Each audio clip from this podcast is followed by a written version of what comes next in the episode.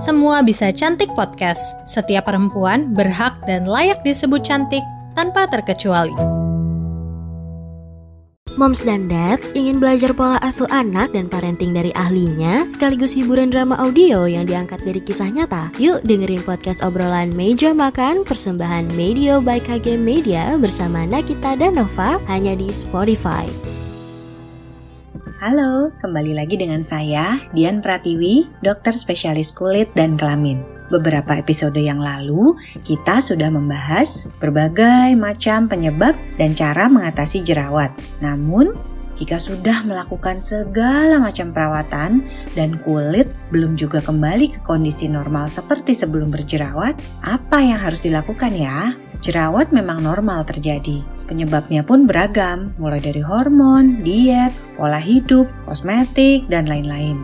Jerawat memang bisa saja sembuh, menghilang sendiri. Namun, seringnya jerawat terus menetap di kulit, silih berganti, tidak berhenti. Jika tidak diatasi, bahkan bisa muncul lebih banyak dan semakin parah. Terkadang juga meninggalkan bekas, noda hitam, tekstur kulit wajah yang rusak dan tidak rata, itu sangat mengganggu PD dan banyak meresahkan para pejuang jerawat. Hal ini dialami oleh pejuang jerawat bernama Gaby. Perjuangannya melawan jerawat dimulai 4 tahun yang lalu saat wajahnya mengalami breakout yang luar biasa dan membuatnya tidak percaya diri untuk keluar rumah. Sehingga harus menutupi semua jerawat dan bekasnya dengan makeup yang malah memperparah kondisinya. Belum lagi Berbagai krim wajah yang digunakan juga tidak mampu untuk mengatasi jerawatnya. Lantas, jika kita mengalami hal yang sama seperti Gaby, apa sih yang harus kita lakukan? Obati jerawat membandel tidak semudah hanya mengoleskan krim di wajah. Berbagai perubahan diet dan pola hidup perlu dilakukan. Bahkan terkadang perlu perawatan medis. Pilih skincare yang sesuai dengan bahan aktif yang tepat, gunakan rutin dan teratur sesuai petunjuk di kemasan.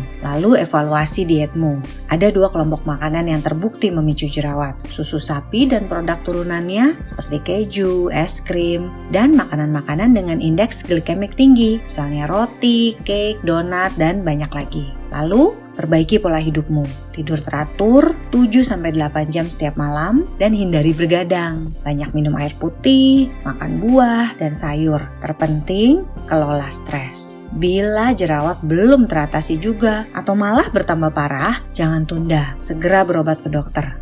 Semakin dini diobati, semakin mencegah timbulnya bekas jerawat yang permanen seperti scar. Dokter akan meresepkan berbagai krim racikan hingga obat minum bila ada indikasi, juga berbagai perawatan sesuai kebutuhan seperti injeksi jerawat, peeling jerawat, penyinaran blue light, dan lain-lain. Apabila sudah terlanjur menjadi bekas, jangan putus asa. Zaman sekarang ini, berbagai treatment dengan mudah dilakukan untuk memperbaiki tampilan kulit. Pastikan berkonsultasi dengan dokter untuk memilih treatment yang aman dan efektif sesuai kebutuhan kulitmu. Untuk teman-teman pejuang jerawat, semangat ya. Meskipun rasanya berat, ingat, kamu tidak sendirian. 95% orang pernah mengalami jerawat dalam hidupnya dengan berbagai tingkat keparahan. Sebagian besar sembuh dengan skincare dan pola hidup yang tepat. Yang penting sabar, telaten, dan stay happy ya. Jadi, untuk kulit yang bersih dan sehat, kita tentu perlu menjaga kesehatan kulit dengan merawatnya dari luar dan dari dalam. Perawat kulit tidak hanya menggunakan skincare yang tepat, tapi juga pola hidup yang baik. Terima kasih sudah mendengarkan episode ini. Jangan lupa follow dan beri rating untuk podcast Semua Bisa Cantik. Saya Dian Pratiwi, dokter spesialis kulit dan kelamin. Sampai berjumpa di episode lainnya dengan saya. Jangan lupa untuk selalu menjaga kesehatan kulitmu. Salam kulit sehat.